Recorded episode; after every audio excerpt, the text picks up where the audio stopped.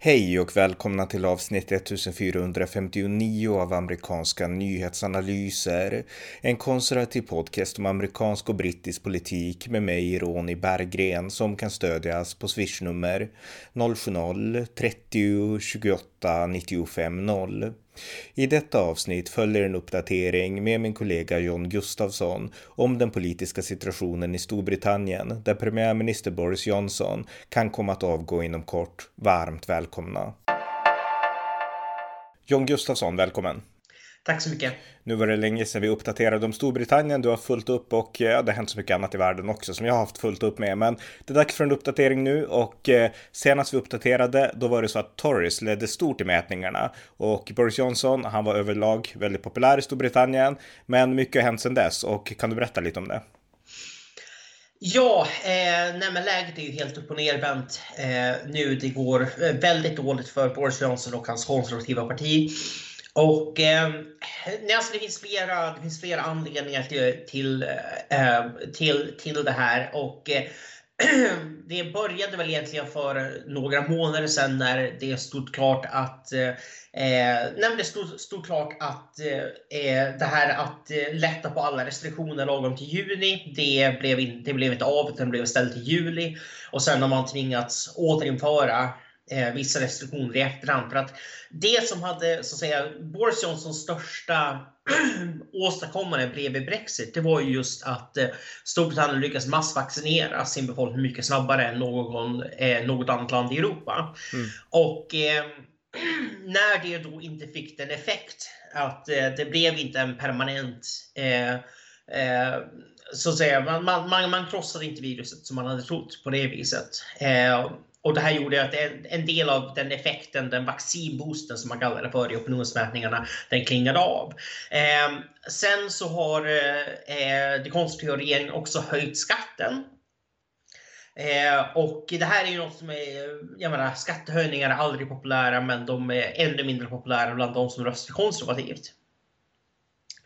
Och eh, Eh, det här gjorde bland annat att man tappade väljare till Liberaldemokraterna som är ett EU-vänligt parti. Och eh, jag menar, man hade ju såklart sin rational varför man gjorde det här. Eh, och det är ju att eh, budgetunderskottet har blivit väldigt, väldigt stort under coronapandemin för att eh, när man har behövt sanktionera, eh, subventionera väldigt många eh, företag, man har eh, nej men alltså det, det är helt enkelt det blivit en spending spree som man säger på engelska. Eh, så, det, så nu kan man diskutera om det var smart att höja skatten nu och inte vänta till typ nästa år eller vänta tills vi så att säga pandemin är ett, ett eh, avslutat kapitel. Men troligtvis så resonerade man att det var bättre att få, få det bortstökat nu medan det fortfarande länge till nästa val. Eh, sen är det också det att eh, eh man har haft problem med, eh, man har haft problem med eh, gränskontrollerna. Eh, där det har kommit in stora flyktingströmmar eh, från Frankrike, alltså, eller alltså via Frankrike. Eh, folk som korsar över till Frankrike från Libyen och från andra eh, länder, eh, norra Afrika och Mellanöstern. Eh, och sedan går det via Calais-sundet över till Storbritannien. Där finns det, ju, det finns ju en tunnel mellan Frankrike och, och Storbritannien som mm. ni kanske vet.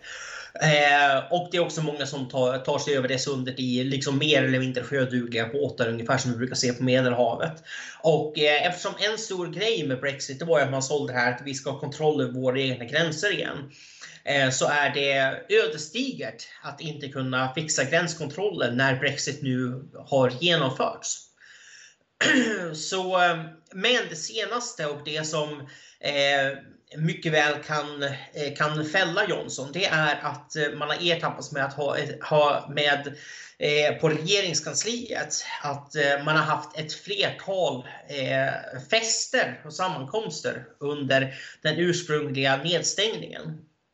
Alltså förra året, våren förra året. Mm. Och eh, så det här har satt, det här har satt de konservativa i ett prekärt läge. Man har ligger ungefär 6 till 10 procent bakom Labour nu beroende på vilken opinionsmätning vi pratar om. Eh, när man brukade ligga 6 till 10 procent före Labour så sent som i somras. Ja. Vi har ju pratat tidigare i andra poddar, alltså om Dominic Cummings som också var då en del av eh, Johnsons liksom eh, inre cirkel. Och han påkom sig också med att bryta mot coronareglerna och det vart ju ganska mycket liv kring det. Eh, är det här liksom lika stort eller större? Mycket, mycket större. Eh, nej men så, så, här, så, här, så här är det i alla fall. Den 15 maj 2020 så hölls en, eh, från vad vi kan se, spontan sammankomst. Folk eh, träffade, träffades utomhus i, eh, utanför, utanför eh, Down, Downing Street 10, alltså regeringshögkvarteret. Hade lite, ja, men lite drinkar, lite sådär, ja, men allmänt liksom vanlig social sammankomst. Ingenting som är ovanligt, men eh, det var förbjudet på den eh, då. Det, det rådde fortfarande lockdown. Och eh, fem dagar senare, det är det här som har kommit ut just nu. Eh, fem dagar senare så eh, så eh, skickar eh, Martin Reynolds som är eh, Boris Johnsons Principal Private Secretary alltså han jobbar direkt åt Boris Johnson. Han skickar ut en, en, ett massmail till ungefär 100 anställda på Downing Street och inbjöd dem till ett, ett, Bring Your Own Booze Party. Eh, som skulle hållas då samma, samma dag. För han sa att det är så vackert väder och jag menar, vi ska Eh, liksom vi kan dra nytta, dra nytta av det. Så liksom, ta med er egen al alkohol så ses vi på, i, i trädgården. Eh, och det fick han oss ut över till över 100 personer. Så det här är inte att liksom, det var ett gränsfall om det här var liksom en eh, bry, brytning mot lockdown-reglerna. Utan det här var, det här var solklart. Man helt ignorerade det. Och det här, eh, den här festen som vi ändå får kalla, får kalla det, den äger rum trots att flera personer svarade för att de här mejlen har läckt ut nu. Så vi vet vad han skrev i hans ursprungliga mejl, vi vet vad folk svarade. Det var flera som svarade och sa men det här är ju vansinne, det råder lockdown. Liksom, vad, vad, händer, vad händer om folk får reda på det här? Liksom att vi är här och festar medan de får inte... Menar, nu ska vi säga det till Reynolds försvar att han eh, skrev i sitt ursprungliga mejl att det här ska vara socialt distanserat. Liksom, vi ska inte sitta för nära varandra. Men eh, man fick inte umgås i sådana grupper överhuvudtaget under lockdownperioden. Man fick inte ens umgås två och två. Så att eh, det, det, håller, det håller liksom inte. Eh, det var flera som påpekade det här för Reynolds, men eventet ägde ändå rum. Och det här är det som är det, det verkligt eh, allvarliga. Det är Boris Johnson var där. Just det. Med hans fru. Är det det som är den nya nyheten? Man kan väl säga så här att eh, Boris Johnsons alltså, stora misstag det är att han inte erkänner allt det här från början. För att nu är det det att så det första som läckte det var det här som hände den 15 maj där Johnson inte var med, eller han var med men han var med via satellit. Uh, typ, typ han hade, ja. men, men först så förnekade han att det, att det hade skett, sen förnekade han att han var med, sen sa han okej okay, jag var med men det var via sat, sat, satellit, eh, alltså via Zoom eller liknande. Eh, och sen hävdar han också uttryckligen, det skedde inga fester i Downing Street under lockdownperioden. Och sen läcker ut det här, den här andra sammankomsten som var mycket, mycket större än den, än den första. Och eh, Alltså den andra sammankomsten är som Martin Reynolds mejlade alla den 20 maj och bjöd, bjöd in alla till, som även Johnson gick på. Eh, och eh, det, det, det är alltså Eh, nej men alltså, problem, problemet är att om, man, om Johnson hade gått ut från första början och sa jo, nej men vi var lite slappa för vi var i slutet av lockdownperioden och vi började, vi, släpp, vi, vi släppte garden och liksom jag gjorde ett, det var ett, ett, ett liksom missbedömning. Eh, liksom min, mitt, mitt omdöme var inte bra då. det hade han kunnat överleva, men nu är problemet att han förnekar först att det har skett några sammankomster, sen erkänner han att det skett en sammankomst, sen erkänner han att han, att han kände till den sammankomsten och var med på videolänk. Sen erkänner han att det, jo okej, okay, det skedde visst en till sammankomst fem dagar senare som var tio gånger större. Och sen så nu det senaste är att han var där själv och hans fru var där. Så det var inte ens en arbetssammankomst. Var det det man hävdade med den första sammankomsten? Att jo, men vi hade ett arbets liksom ett, ett, eh, ett personalmöte ute i trädgården. Så sa man om den sammankomsten var den 15. Men det var liksom att, att Dels nej, det var inte bara ett, ett, personalmöte och dels varför var din fru där? Om det var ett personalmöte. Liksom, det blir, det blir man, man, tappar all, man tappar all trovärdighet när man agerar så som, eh, så som Johnson har gjort här, tyvärr. Eh, och eh, Nej, men alltså det, här ser, det, här ser, det här ser väldigt, väldigt mörkt ut. Vem, men alltså, vem, alltså, hur kom den här informationen ut? Hur läckte den? Så? Dominic Cummings. Okej. Okay. som fick för sig att eh, ge igen för att eh, Johnson eh, avskedade honom eh, efter att han hade brutit mot lockdown-reglerna och då visste Cummings om att han var ju inte den enda som hade gjort det. Eh, och för verket så, jag menar, anledningen till att Cummings fick gå, det var i slutändan att eh, han var i en dispyt med Kerry Simons, som alltså nu är Boris Johnsons fru.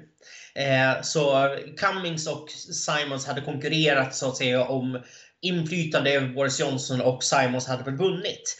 Och eh, Dominic Cummings som ser sig själv som arkitekten både bakom eh, Leave-kampanjens seger 2016 och Boris Johnsons stora seger 2019 i, i eh, det brittiska parlamentsvalet.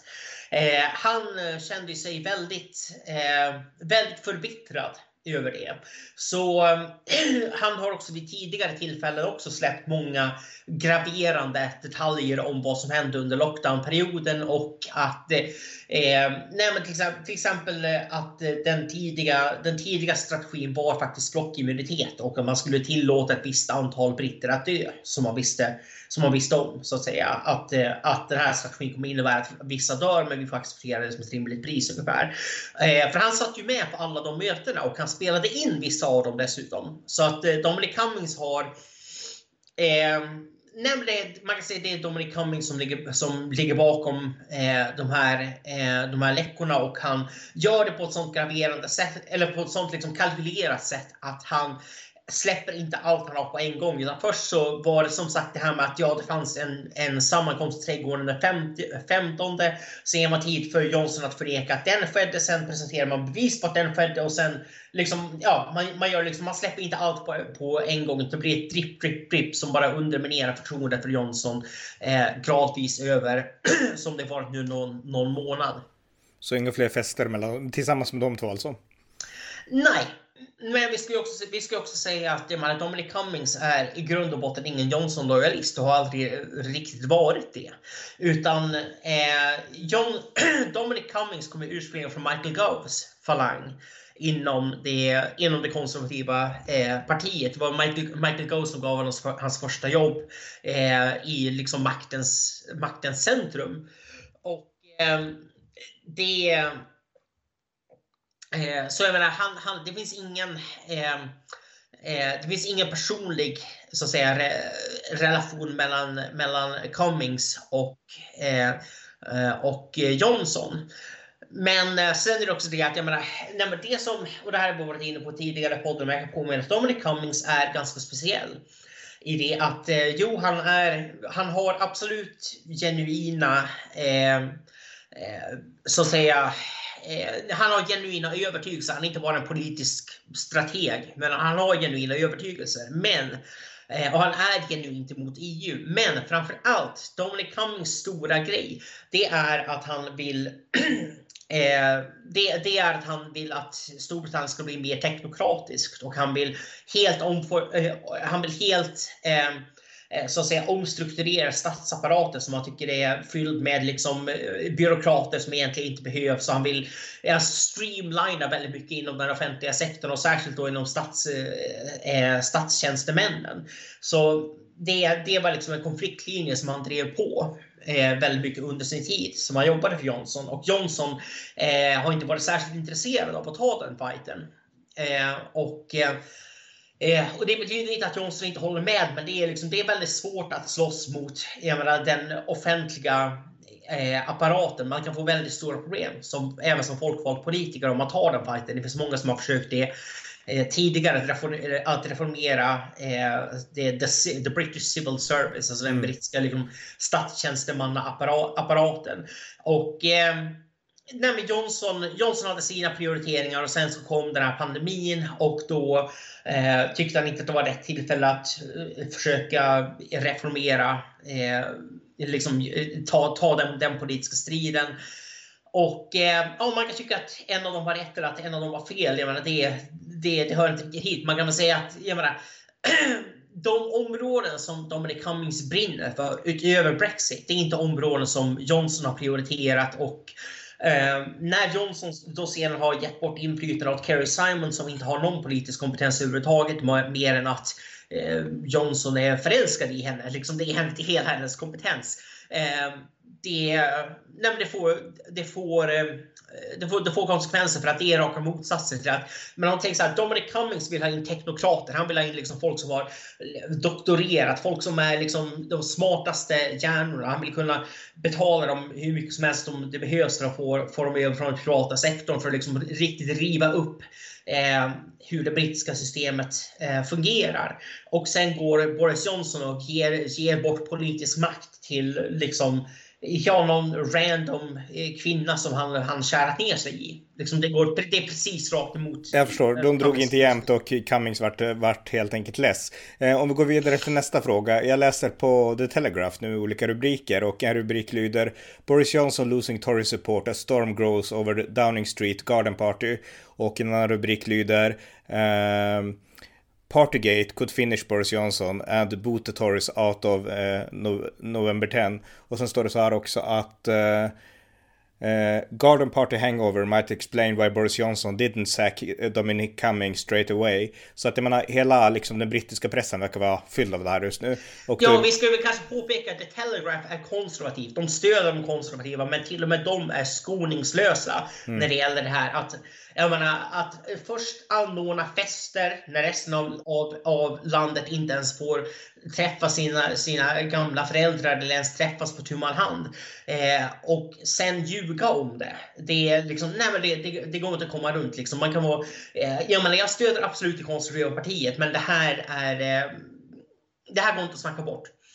Eh, jag kan också nämna att det kom en opinionsundersökning eh, idag eh, som frågade just bör eh, Boris Johnson avgå över det här alltså Partygate som man har börjat, börjat kalla den här festskandalen. Eh, och bland alla vuxna så säger 66% att han ska avgå och bara 24% att han inte ska det. Att han inte borde det. Och bland de konservativa så är det eh, nästan jämnt. Det är, bland konservativa väljare så säger 42 att han bör avgå och 45 att han inte bör det. Och man måste ha starkare stöd än så om man ska vara partiledare. Liksom man måste ha mer, mer än 45% av partiet med sig. Kan mm. vi ju säga ganska lugnt. Vad tror du då? Kommer han avgå? Eh, jag tror faktiskt det. Jag tror faktiskt det.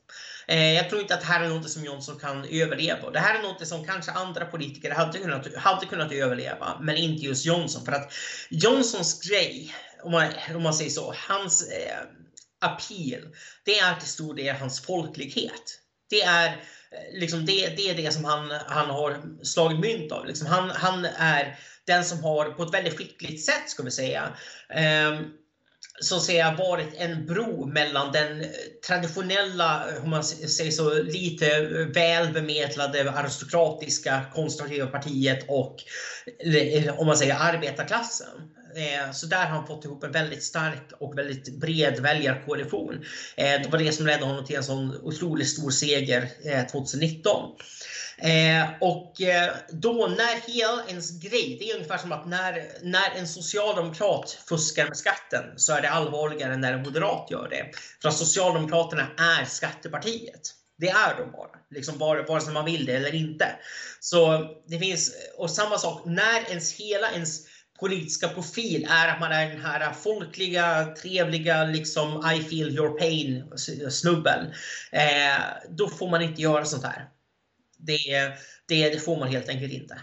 Eh, tror så, att han, eh, ja, och, om, eh, mm. ja, så att eh, jag tror att på Prime Ministers Questions tomorrow, det är alltså frågestund med premiärministern i parlamentet imorgon, där kommer Johnson att få otroligt mycket stryk av oppositionen, men kanske även det är många konservativa nu.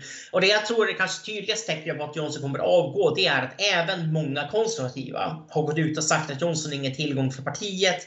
Eh, längre. Eh, Johnson borde, borde avgå. Alltså det är bland annat så eh, Bland annat så säger eh, eh, så har eh, både den nuvarande och den förra ledaren för de konservativa i Skottland eh, gått ut och sagt ungefär att John, Johnson är en belastning i olika ordalag.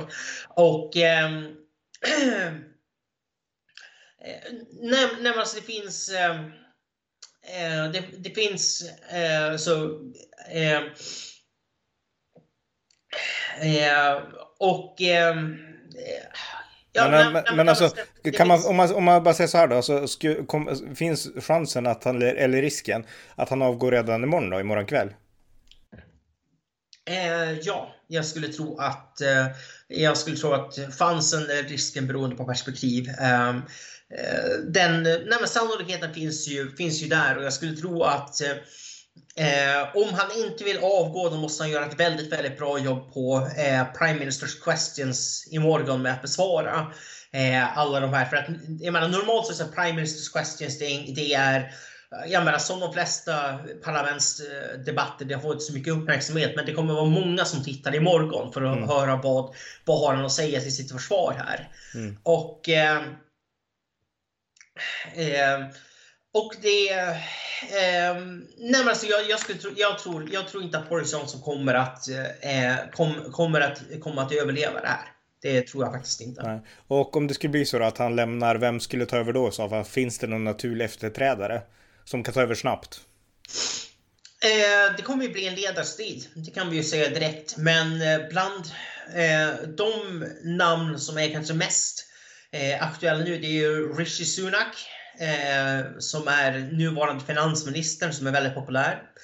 Eh, han eh, stödde Brexit 2000, 2016. Han är eh, nej men det, det, är en, det, är en kompetent, det är en kompetent person. Eh, eh, absolut. Och sen eh, finns det också jag menar, vare som man vill där inte så finns det en identitet, identitetspolitisk vinkel här och det är att Rishi Sunak är mörkhyad. Han är indier kort sagt. Eh, eller han har indiskt indiskt eh, förflutet, hans föräldrar är från Indien. Om jag minns rätt. Eh, så, eh, så det är ju klart att de konservativa skulle gärna, de hade Storbritanniens första kvinnliga premiärminister och de skulle säkert gärna ha den första ehm, den första icke-vita premiärministern också. Ehm, men eh, Rishi Sunak han, han, han kan stå på sina egna ben. Han behöver egentligen inte den fördelen. Han är, han, han är kompetent. Ehm, Eh, så det eh, Liz Truss, eh, en annan eh, som hon kommer definitivt kandidera, så mycket kan vi säga. Hon har höjt sin profil ganska mycket senaste, senaste månaden, senaste, senaste halvåret. Eh, och hon stödde inte Brexit 2016 men har sagt i efterhand att hon, hon stöder det nu. Eh, och sen återkommande kandidaten Michael Gove. Självklart. Eh, och det är ju som sagt, eh, Michael Gove är väl den, om någon av kandidaterna ska ha eh, stöd av Dominic Cummings så är det väl troligtvis Michael Gove. Eh, för att, eh, nej men, när Michael Gove gav upphov till Dominic Cummings politiska karriär. Och eh,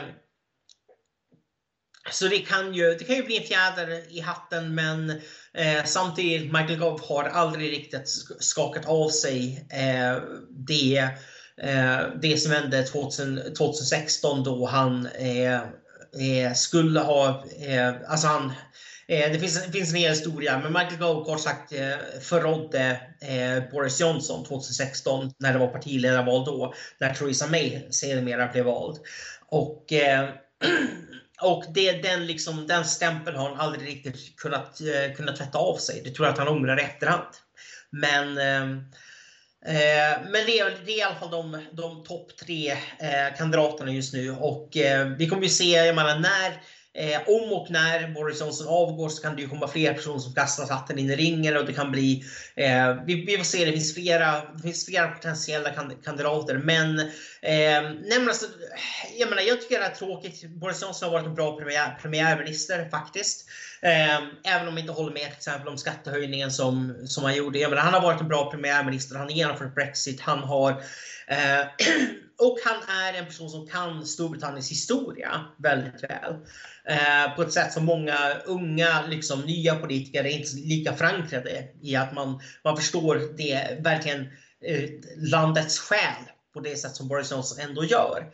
Eh, så Boris Johnson eh, är, har, jag menar, jag håller inte med om svensk medias eh, eh porträttering av honom. Jag, håller, jag, jag, jag tycker han har varit en bra premiärminister men det absolut viktigaste det är att man har en stark konservativ regering, ett starkt konservativt parti som kan hålla ihop och som kan framförallt hålla ihop mot vänstern. Och jag tror att efter allt som har hänt nu eh, så tror jag inte att Johnson kommer vara riktigt rätt person eh, för, det, för det jobbet. Nej, jag förstår. Tyvärr. Sista frågan då, alltså så här efterhand nu, nu har det varit mycket kris med, just nu är det Boris Johnson, men även mycket som har hänt sedan Brexit som har gjort att Storbritannien har fått, fått problem. Eh, så här i efterhand var Brexit rätt? Och den här frågan vet jag redan svaret på, men jag ställer den ändå så att du får utveckla. Ja, nämligen Brexit. Eh, Brexit var definitivt värt det.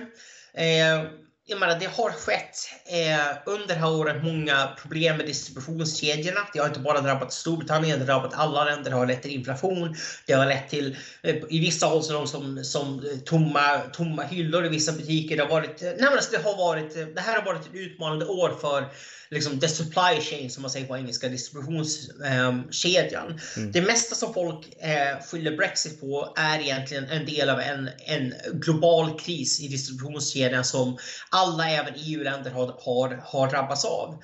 Um, nej, men sen, ehm, och ehm, sen skulle, sen skulle också sägas att eh, Storbritannien har fixat eh, vaccina, eh, vaccinationskampanjen mycket, mycket bättre än något land i EU. Och det här bidrog faktiskt till att, eh, till att man eh, fick eh, lägre, lägre dödstal mycket, mycket snabbare. Jag menar, okej, okay, vac vaccinen var inte så bra i verkligheten som de var i labbet, men de har ändå kraftigt minskat eh, sjukhusinläggningar, de har minskat antalet döda per, per fall. Eh, alltså den procent, den procent som faktiskt stör i corona. Eh, Storbritannien har visade ändå att, jag menar, och här ska vi kanske inflika då, trots Dominic Cummings eh, kanske berättigade kritik av statsapparaten så var statsapparaten i alla fall mycket bättre än något EU-land. När man ändå lyckas få igång en sån, en sån massvaccinationsapparat så otroligt snabbt eh, och effektivt som man ändå gjorde. Eh, så Eh, nej men alltså det finns, eh, Storbritannien står, står, står, inför, står inför utmaningar, men de utmaningar man står inför, flyktinganstormningen, det har inget att göra med, med EU-utträdet, distributionskedjan har inget att göra med EU-utträdet. Det enda som är, det är ju det eh, Nordirland som är det återkommande, eh, det återkommande temat. Och eh, jag menar, det, det, det, är ju, det är ju vad det är. Det kan, men det handlar ju också mycket om att det finns en ovilja från EU att riktigt eh, helt enkelt släppa Nordirland också. Så, eh, så det finns, eh, jag menar, nej men EU, EU agerar inte i god tro när man har förhandlat med Storbritannien. Men, men det korta svaret är att Brexit är fortfarande rätt? Ja, det var fortfarande, det var fortfarande rätt, eh, rätt, eh, rätt alternativ och det kommer bli väldigt uppenbart över de kommande åren också. Mm. Okej, okay, men tack. Tack så mycket.